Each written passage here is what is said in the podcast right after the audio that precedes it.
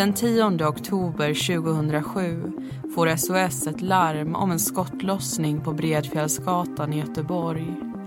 Två personer har blivit skjutna och man skickar ut fem polispatruller, två hundpatruller och fyra ambulanser.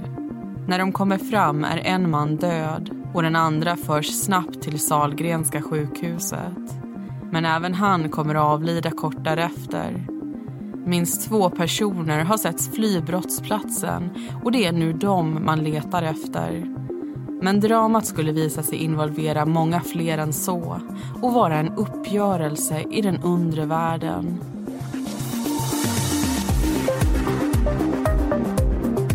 Du lyssnar på Mordpodden och i säsong 5 tar vi upp fall från Göteborgstrakten. Och i veckans avsnitt ska du få höra berättelsen om den tysta maffian.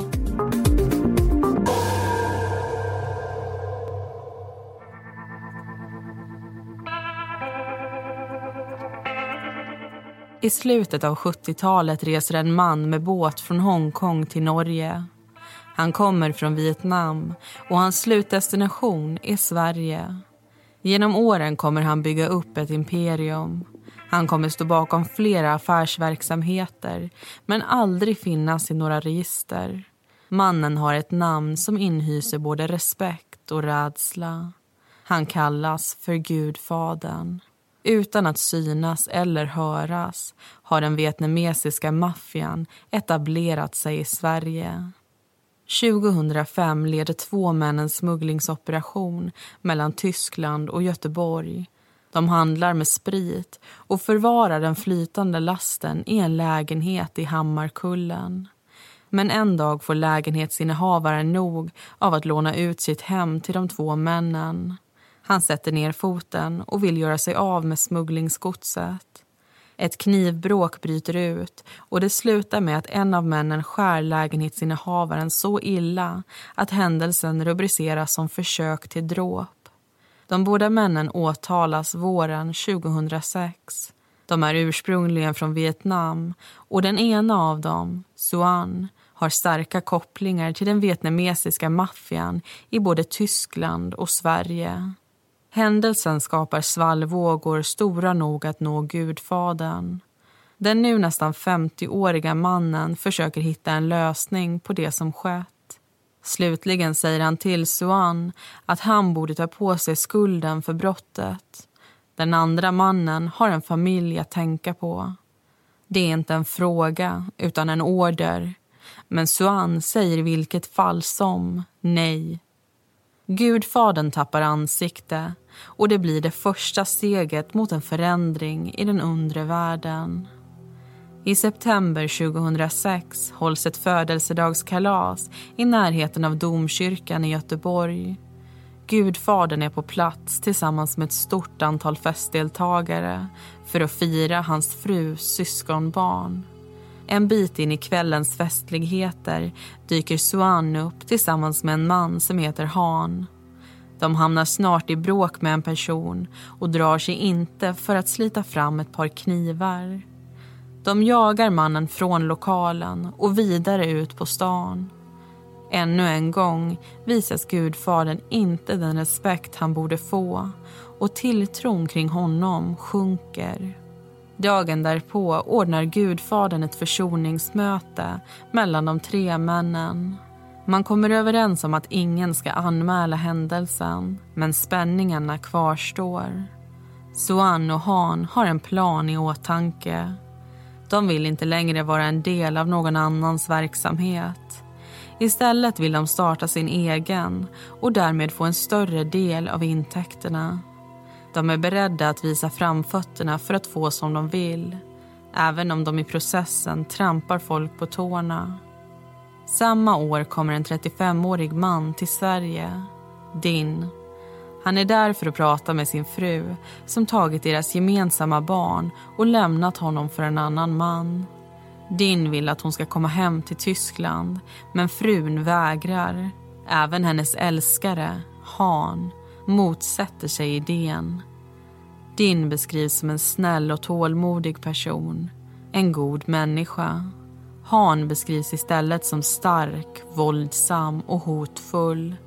Men frun har gjort sitt val och även om hon skulle ändra sig skulle det vara svårt att lämna någon som Han. Din flyttar in hos ett par i Värnamo, Jiang och hans sambo Ly. Han har också kontakt med ett par personer i Göteborg. Alla har en koppling till den vietnamesiska maffian. En av dem säger att frun inte är bra för honom och att han inte borde tänka på henne något mer. Men Din ger inte upp i sina försök att få henne tillbaka. Problemet är att varje försök irriterar Han allt mer. I början av oktober 2006 ber Din Jiang att skjutsa honom till Göteborg. Därifrån är det tänkt att han ska åka vidare hem till Tyskland. Jiang säger okej okay, och de kör iväg samma dag. När de kommer fram till Göteborg besöker de ett par vänner. Resan hemåt kan vänta lite. När de två männen lämnat lägenheten upptäcker de dock något lustigt med bilen. Två däck har blivit punkterade. Strax därefter får Din ett samtal från Han. Han säger till Din att inte åka till Tyskland. Om han gör det så kommer han få möte med ett antal gängmedlemmar när han kliver av bussen. Och på order av Han kommer de att slå ihjäl honom. Istället för att resa hem ska han komma till en lägenhet på Bredfjällsgatan. De behöver prata. Din tar hoten på allvar och känner sig rädd. Han känner sig också tvingad att göra som Hans säger. Han beger sig till lägenheten där Han bor tillsammans med Suan och fyra andra. När han kommer innanför dörren möts han av en mycket arg Han. De pratar och efter ett tag får Han ett telefonsamtal och lämnar rummet. Suan vänder sig då mot Din och tar ett stryptag om hans hals. Han upprepar det Han redan sagt att Din kommer dö om han åker tillbaka till Tyskland. Ett hot som har stor tyngd då både Han och Suan har kopplingar där. Båda männen är dessutom kraftigt kriminellt belastade. Din lyckas lämna lägenheten och möter upp med rumskamraten Jiang. Han säger att det inte blir någon resa till Tyskland och att de ska åka hem till Värnamo. I bilen är det tyst. Jiang funderar på vad som fått vännen att ändra sig medan Din ännu inte känner sig redo att berätta vad som hänt. Men under de kommande dagarna ska hoten fortsätta. Han har fått reda på att Jiang skjutsat Din till Göteborg och har därmed enligt Han valt sida i konflikten. Samma sak gäller Jiangs sambo Ly och den nyinflyttade Tao. De tillhör alla Värnamo-gänget och kommer snart inkluderas i Hans hotelser. Den 6 oktober får din ett sms av Han. Tro inte att du kan vara ihop med Jiang. Ingen kan hindra mig. För vad jag ska göra, det är att mörda dig. Du ska genast lämna Sverige. Annars... Tau läser högt upp smset och alla i Värnamo-gänget känner kraften bakom hotet. De behöver hjälp, och det snart.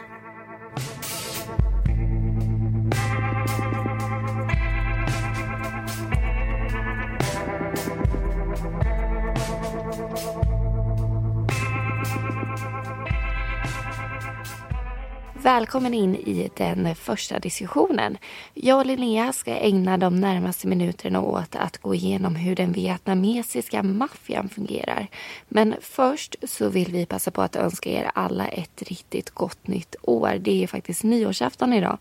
Och vi hoppas att ni har haft ett härligt 2017. Det har vi haft, även om varje år såklart består av både framgångar men även motgångar. Och så hoppas vi också att ni vill fortsätta vara med oss 2018. För vi är ju inte klara med Mordpodden än utan har flera nya och intressanta fall framför oss att gå igenom. Mm.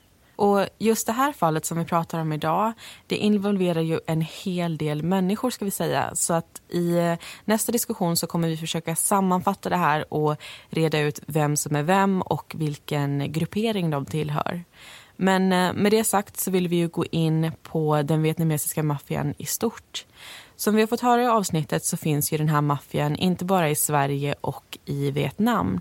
I Storbritannien, Frankrike och Tyskland så har de etablerat sig särskilt väl och kontakten sinsemellan de här länderna är ganska stark. I en artikel från Expressen så får vi reda på att det är just ifrån Frankrike och Tyskland som Skandinaviens grupperingar försörjs med droger som heroin, amfetamin och ecstasy. Och narkotikaförsäljning är en av de saker som den vietnamesiska maffian ägnar sig åt.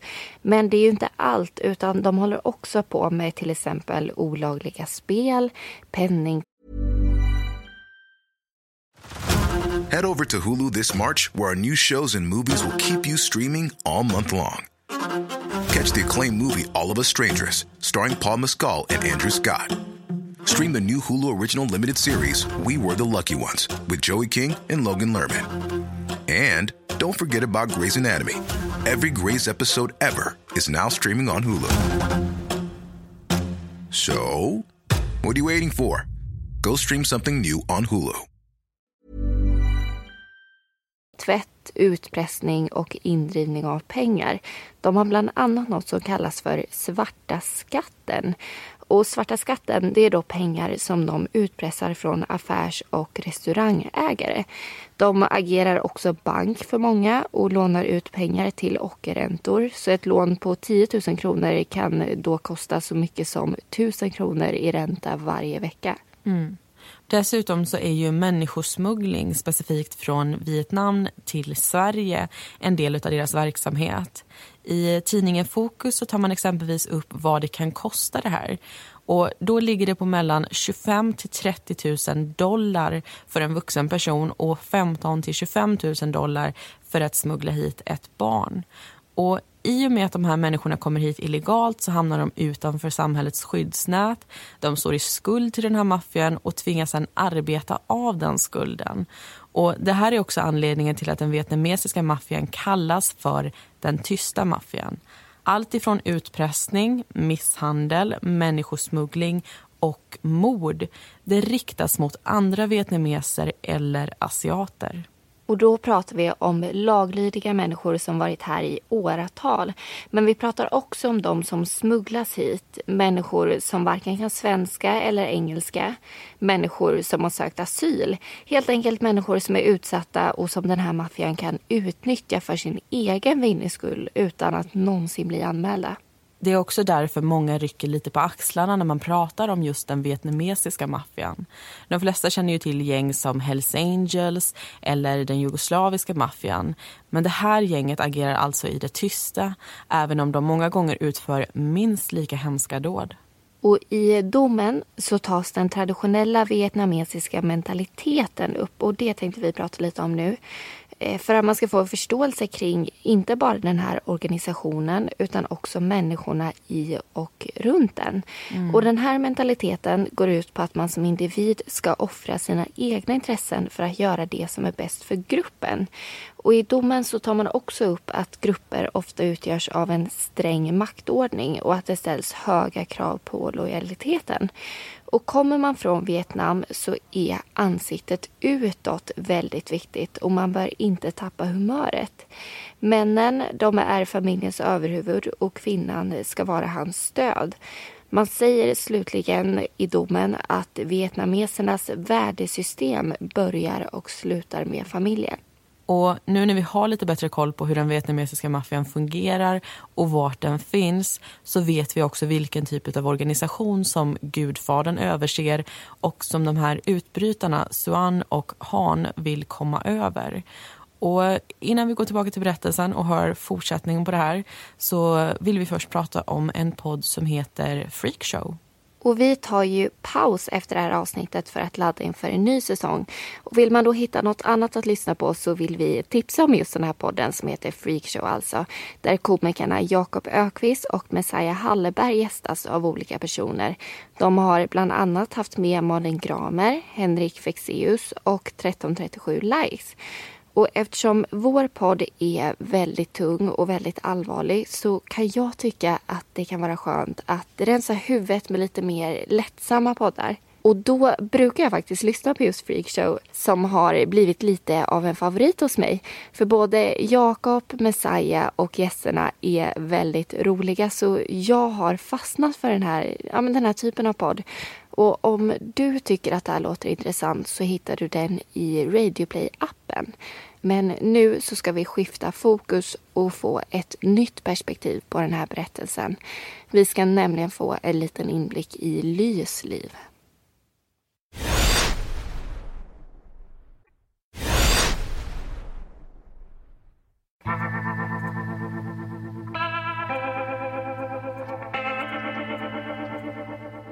När Ly är 16 år gammal lämnar hon Vietnam och reser till Sverige. Hon lämnar bakom sig sin mamma och mammans man. En man som Ly inte kommit överens med och som hon nu överger för att flytta till sin pappa. Pappan har bott i Sverige sedan början av 90-talet. Han är omgift och har en bostad i Värnamo. Ly flyttar in hos dem i april 2002. Hon kommer varken överens med pappan eller hans fru och två år senare skaffar hon sig en egen lägenhet. En etta på 27 kvadrat. Kontakten med pappan bryts och plötsligt är den 18-åriga tjejen ensam. I januari 2005 träffar Ly den 16 år äldre Jang. Till en början är hon osäker på om en relation med honom är en bra idé. Hon känner sig förvirrad och har ingen att prata med. Men gång på gång så ställer Zhang upp för henne. Hon har inga andra vänner och han blir hennes familj. I mars samma år blir de ett par och i oktober så flyttar han in i hennes lägenhet. Hon vet då inget om hans kriminella förflutna eller det faktum att han ingår i den vietnamesiska maffian. Lys familjelycka varar dock inte länge. Den nu 21-åriga tjejen har i princip ingenting att säga till om hemma. Yang är mannen i huset och enligt vietnamesisk tradition ska kvinnan inte lägga sig i hans beslut. Lys tidigare osäkerhet kring förhållandet blossar upp i en vetskap om att de inte är rätt för varandra. Hon ber snällt Yang att lämna henne men han slår dövörat till. Hon biter ihop och när hon inte längre står ut befaller hon honom att lämna henne för gott. Svaret på det kraftfulla argumentet blir en rejäl misshandel. Jiang hotar henne och Ly lider i det tysta. Som många andra vietnamesiska kvinnor väljer hon att inte anmäla sin man. Samtidigt som Jiang, Ly, Din och Tao är mitt uppe i sin konflikt med Han och Suan så pågår en annan osämja i Göteborg. Khan är 31 år och har sedan en tid tillbaka sett på när Han och Suan försökt ta över hans verksamhet i staden. Deras framfarter har blivit hans baksteg. Den senaste osämjan mellan honom och de två utbrytarna gällde ett simkort. Kortet innehöll bilder som kunde visa på att en man varit otrogen mot sin fru. Det kortet ville Han och Suan komma över för att använda i utpressningssyfte. Då Khan vägrat att lämna över simkortet förstärktes ovänskapen mellan de tre. Den 7 oktober vid tvåtiden på natten har Khan och Suan stämt träff i ett garage. När Khan dyker upp med ett laddat automatvapen ser han att Suan inte är ensam. Med sig har han Han och två av killarna de delar lägenhet med. Khan får intrycket av att de tänker mörda honom. Han inser att han är i ett numerärt underläge och lämnar därför garaget innan något möte ägt rum. Han beger sig till en bostad i Bergsjön. Där är han inneboende hos ett par som heter Huyen och Lin. Men om han trodde att han skulle komma undan utbrytarnas vrede så misstog han sig. En stund senare samma natt dyker de fyra killarna upp utanför lägenhetens balkong. De försöker ta sig in i bostaden därifrån och ropar samtidigt hotelser mot Khan. De säger att de tänker döda honom. Tau från Värnamo-gänget tar kontakt med Göteborgsgruppen. Efter ett samtal mellan honom och Khan inser de båda männen att de har en gemensam fiende. Den 8 oktober, dagen efter garage och balkonghändelsen åker Khan från Göteborg till Värnamo. Han har med sig paret han är inneboende hos, Huyen och Linn och deras tanke med resan är att hämta Tau de tre lämnar Göteborg runt klockan 11 på kvällen och är framme cirka två timmar senare. De sätter sig ner i lägenheten och diskuterar det de varit med om och hur de ska lösa konflikten med utbrytarna. Som svar på den frågan tar den 31-åriga Khan fram sin pistol. Syftet bakom handlandet är glasklart. Männen måste dö. Klockan två samma natt beger sig Khan, Hyen och Lin tillbaka till Göteborg tillsammans med Tao medan Zhang, Li och Din väljer att stanna i Värnamo. Men redan dagen därpå ska de ändra sig. Han ringer till Zhang och säger åt honom att kasta ut Din från lägenheten. Men Zhang säger att det inte är Hans beslut att ta. Din är hans vän och oavsett hur många gånger Han hotar honom kommer hans beslut inte att ändras. Han säger då att han kommer komma på besök och döda dem alla. Därefter bryts samtalet hastigt och Zhang lämnas med en orolig tanke. Vart befann sig Han då han ringde? Det dröjer inte länge förrän de fattar ett avgörande beslut sätter sig i bilen och kör mot Göteborg för att sluta upp med Kan och de andra. De får reda på att ett möte är inbokat den kvällen och att de ska ta sig till en restaurang i Nordstan. Samma kväll agerar Linn chaufför åt Khan, Tao, sambon Hyen och en fjärde man när de kör till mötet. Anledningen till att hon och Hyen befinner sig i den här situationen Hey, I'm Ryan Reynolds. Recently, I asked Mint Mobile's legal team if big wireless companies are allowed to raise prices due to inflation. They said yes. And then when I asked if raising prices technically violates those onerous two-year contracts, they said, what the f*** are you talking about, you insane Hollywood ass?" So to recap, we're cutting the price of Mint Unlimited from $30 a month to just $15 a month. Give it a try at mintmobile.com slash switch. $45 up front for three months plus taxes and fees. Promo for new customers for limited time. Unlimited more than 40 gigabytes per month. Slows. Full terms at mintmobile.com. Är skulder. Det hade börjat med ett lån på 20 000 som Huyen tagit för att kunna åka och hälsa på sina barn. När han kom hem hade han fått reda på att även Linn lånat pengar. Hon hade spelat och förlorat. För att rädda upp det hade hon tagit ut ännu ett lån.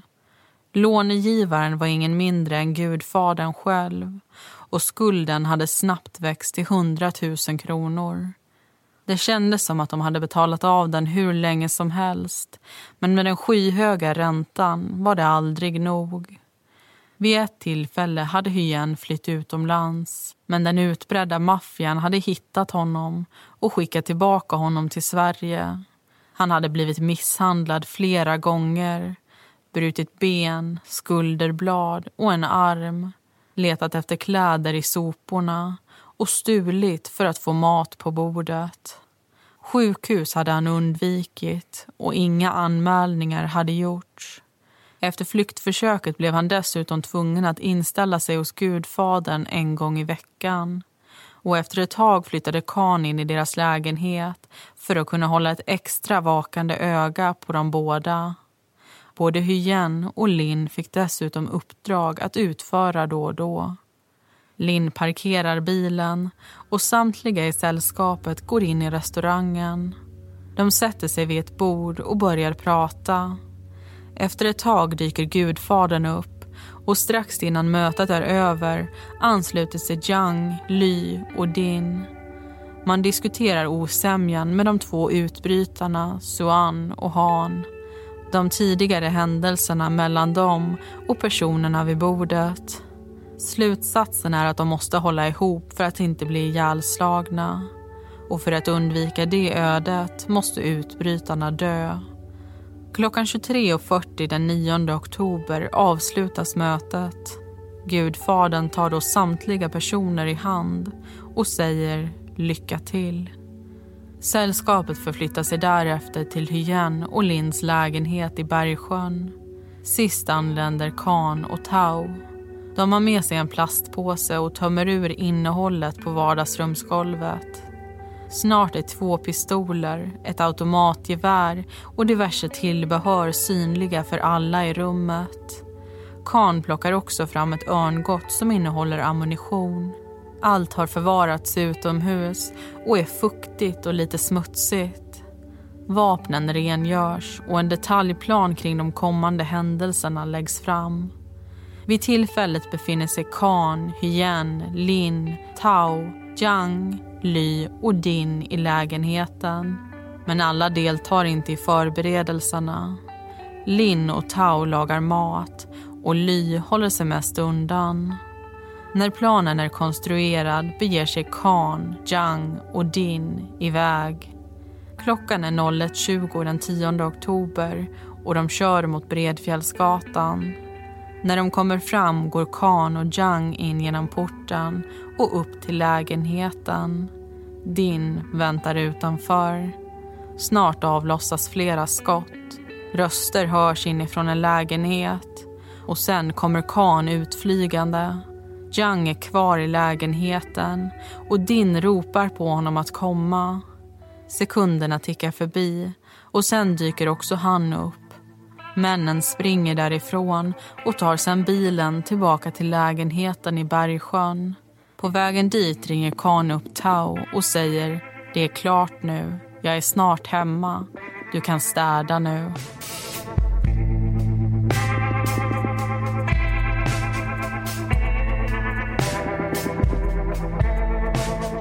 Mordpodden. Vi diskuterar verkliga mordfall och det svenska rättssystemet.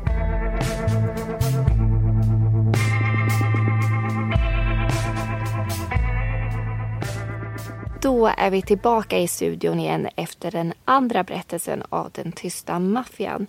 Och som vi lovade i den tidigare diskussionen så ska vi dra en liten sammanfattning kring de personer som är involverade i det här fallet. Och det känner jag att det kan verkligen behövas. För det är ju rätt så många och du som har gjort researchen till det här avsnittet Linnea, du har ju bättre koll än vad jag har. Så kan inte du börja med att ge oss en liten överblick kanske? Jo, absolut. Och först vill jag bara slänga in en eh, liten bit information. Och det är att i det här fallet så känner alla alla. Även om det kan kännas väldigt uppdelat och väldigt konfliktfyllt när man lyssnar på det här så har de här personerna vid ett tillfälle eller ett annat varit vänner eller bekanta med varandra om vi tar Khan som exempel så har ju han bland annat bott hemma hos Suan och Khan. Och Din har fått relationsråd från eh, utbrytarnas nuvarande rumskamrater. Men de delas också in i tre olika grupperingar. Ja, det gör de. Och då har vi Göteborgsgruppen och eh, Värnamogänget. Både en del av gudfaderns vietnamesiska maffia. Men vi har också utbrytarna som precis som det låter har brutit med de andra och försökt starta sin egen grupp och sin egna verksamhet. Och utbrytarna de består alltså av Suan och Han. De är ifrån Vietnam men har också bott i Tyskland en längre tid. Och de har också ett välfyllt belastningsregister där. Och nästa gruppering är Göteborgsgruppen. Där framstår 31-åriga Khan som ledare och vi vet också att Hyen och Lin är en del av den. Alltså det här paret som Khan flyttar in hos. Och Hyen han är 39 år medan sambon Lin är 45 år. Hon har bott i Sverige i 27 år och Hyen i ungefär 15 år.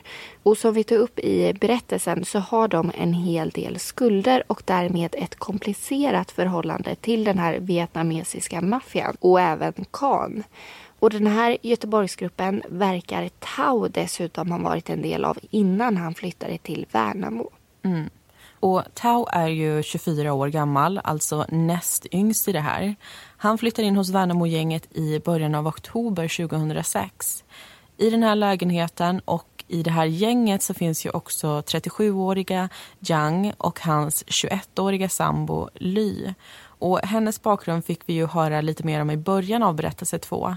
Men det vi inte sa det är att medan Yang jobbar så studerar Ly. Och sist men inte minst så har vi 35-åriga Din som alltså var den som kom från Tyskland för att få hem sin fru. Men eh, frun hade ju redan hittat en ny älskare i utbrytaren Han.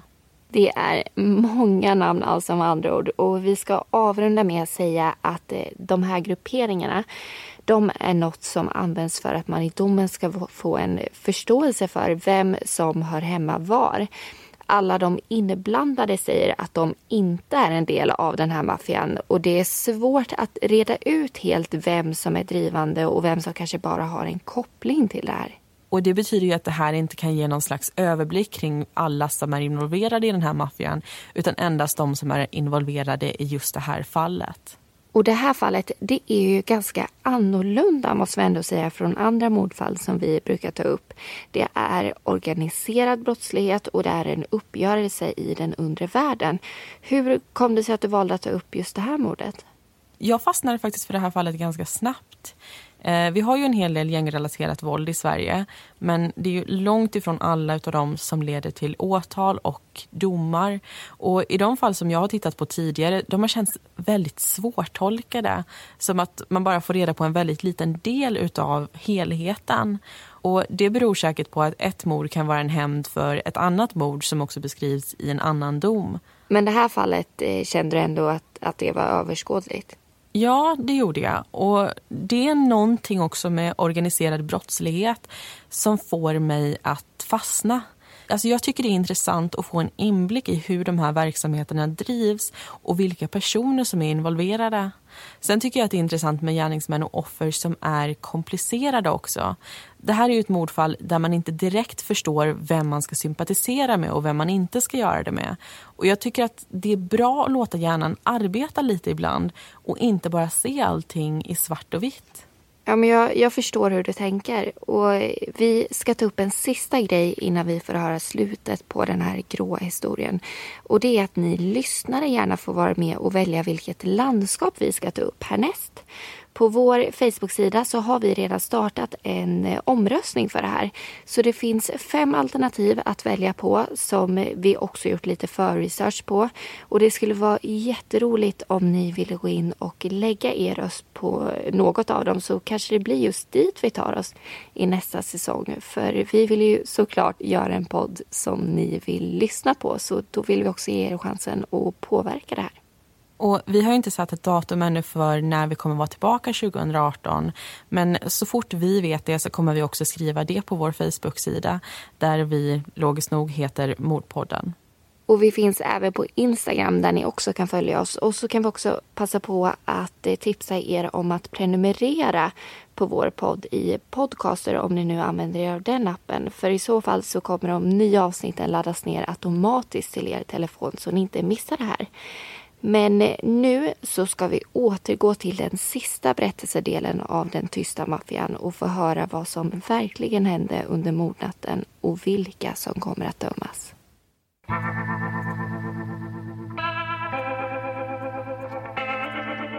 Efter skottlossningen på Bredfjällsgatan ses två män springa i trapphuset och ut ur lägenhetsporten. Någon ringer SOS Alarm och berättar om de högljudda smällarna och efterdyningarna. Som svar skickas fem polispatruller, två hundpatruller och fyra ambulanser ut till platsen. I lägenheten återfinns fem personer. En död, en svårt skadad och de andra rejält skakiga. Golvet i vardagsrummet har fått en rödbrun nyans efter att Suan blött ut där och vid balkongdörren i köket hittas Han skjuten, men vid liv. Han körs i ilfart till Salgrenska sjukhuset men kommer trots det inte att överleva.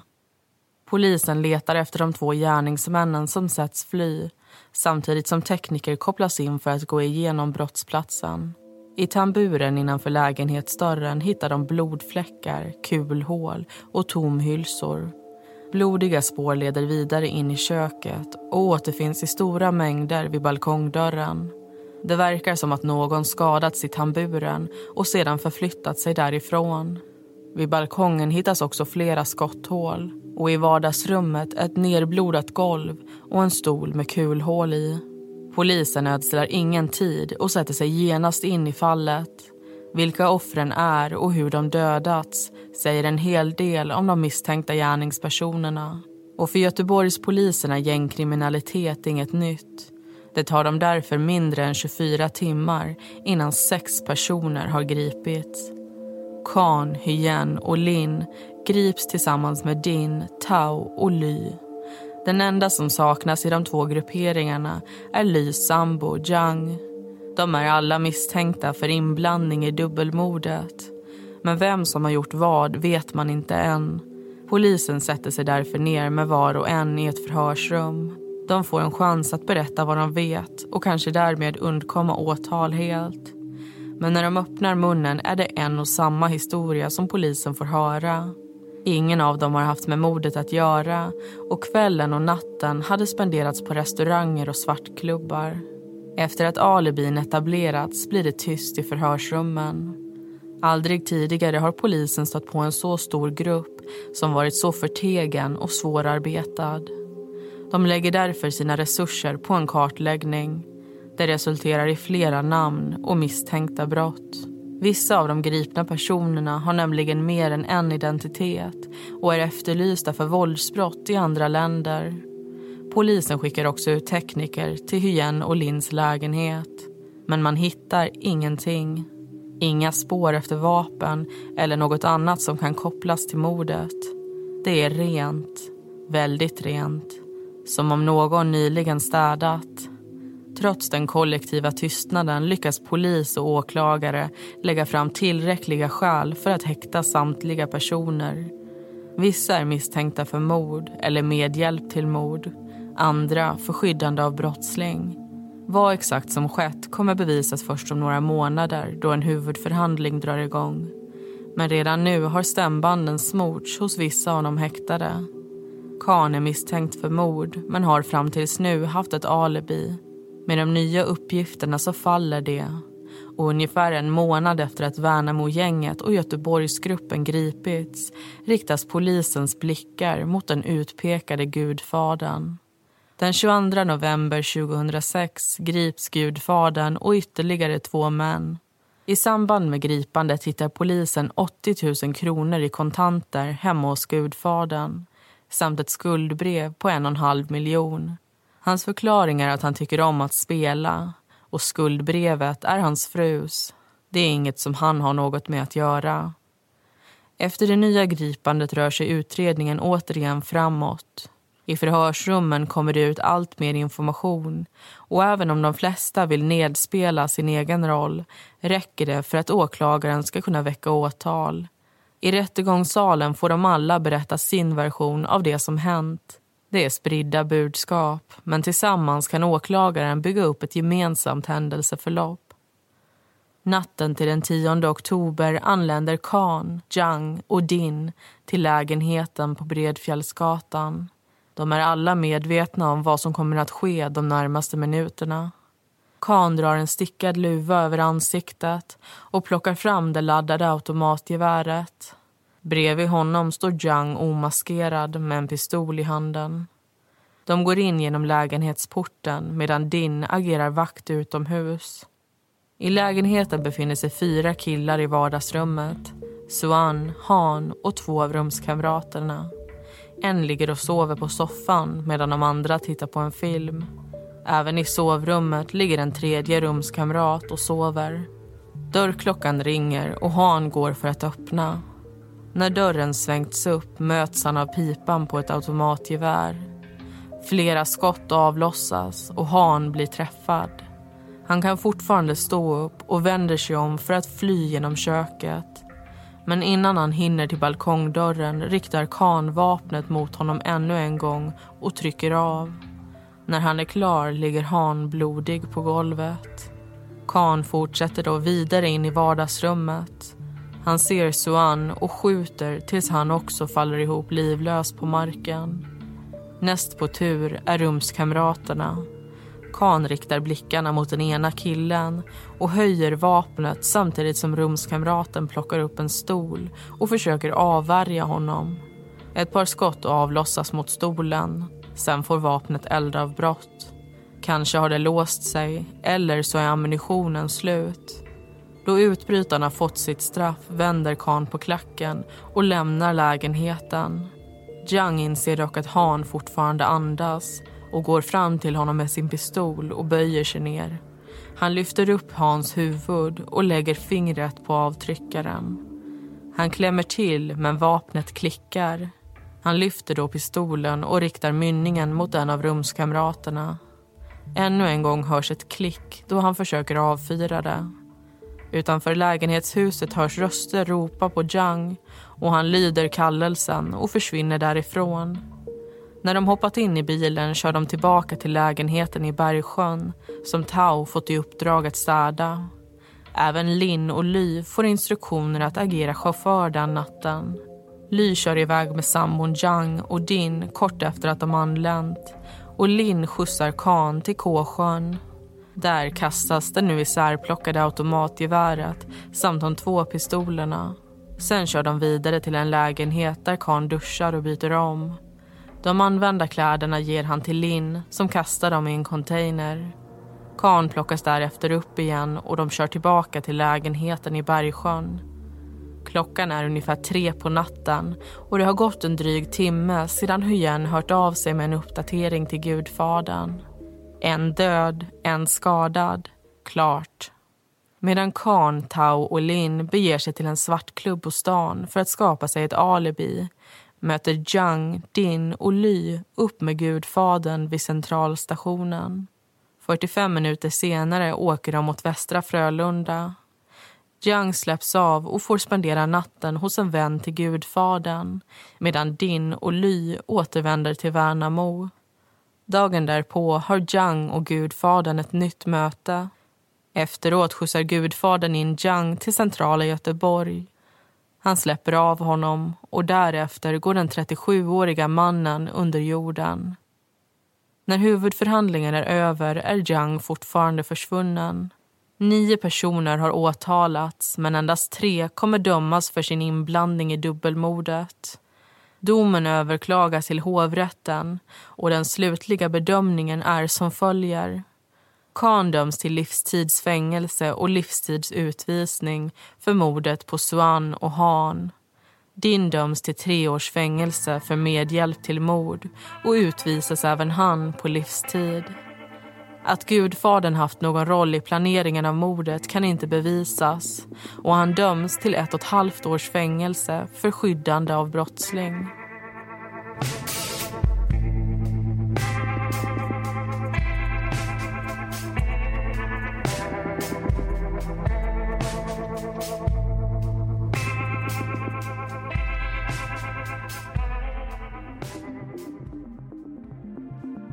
Tack för att du har lyssnat på det här avsnittet.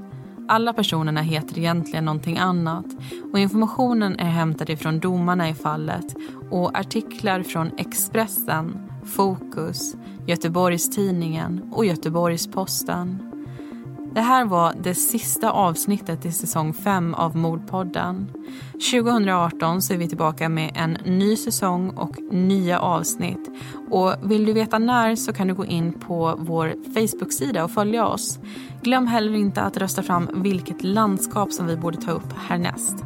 Ha det gott allesammans så hörs vi snart.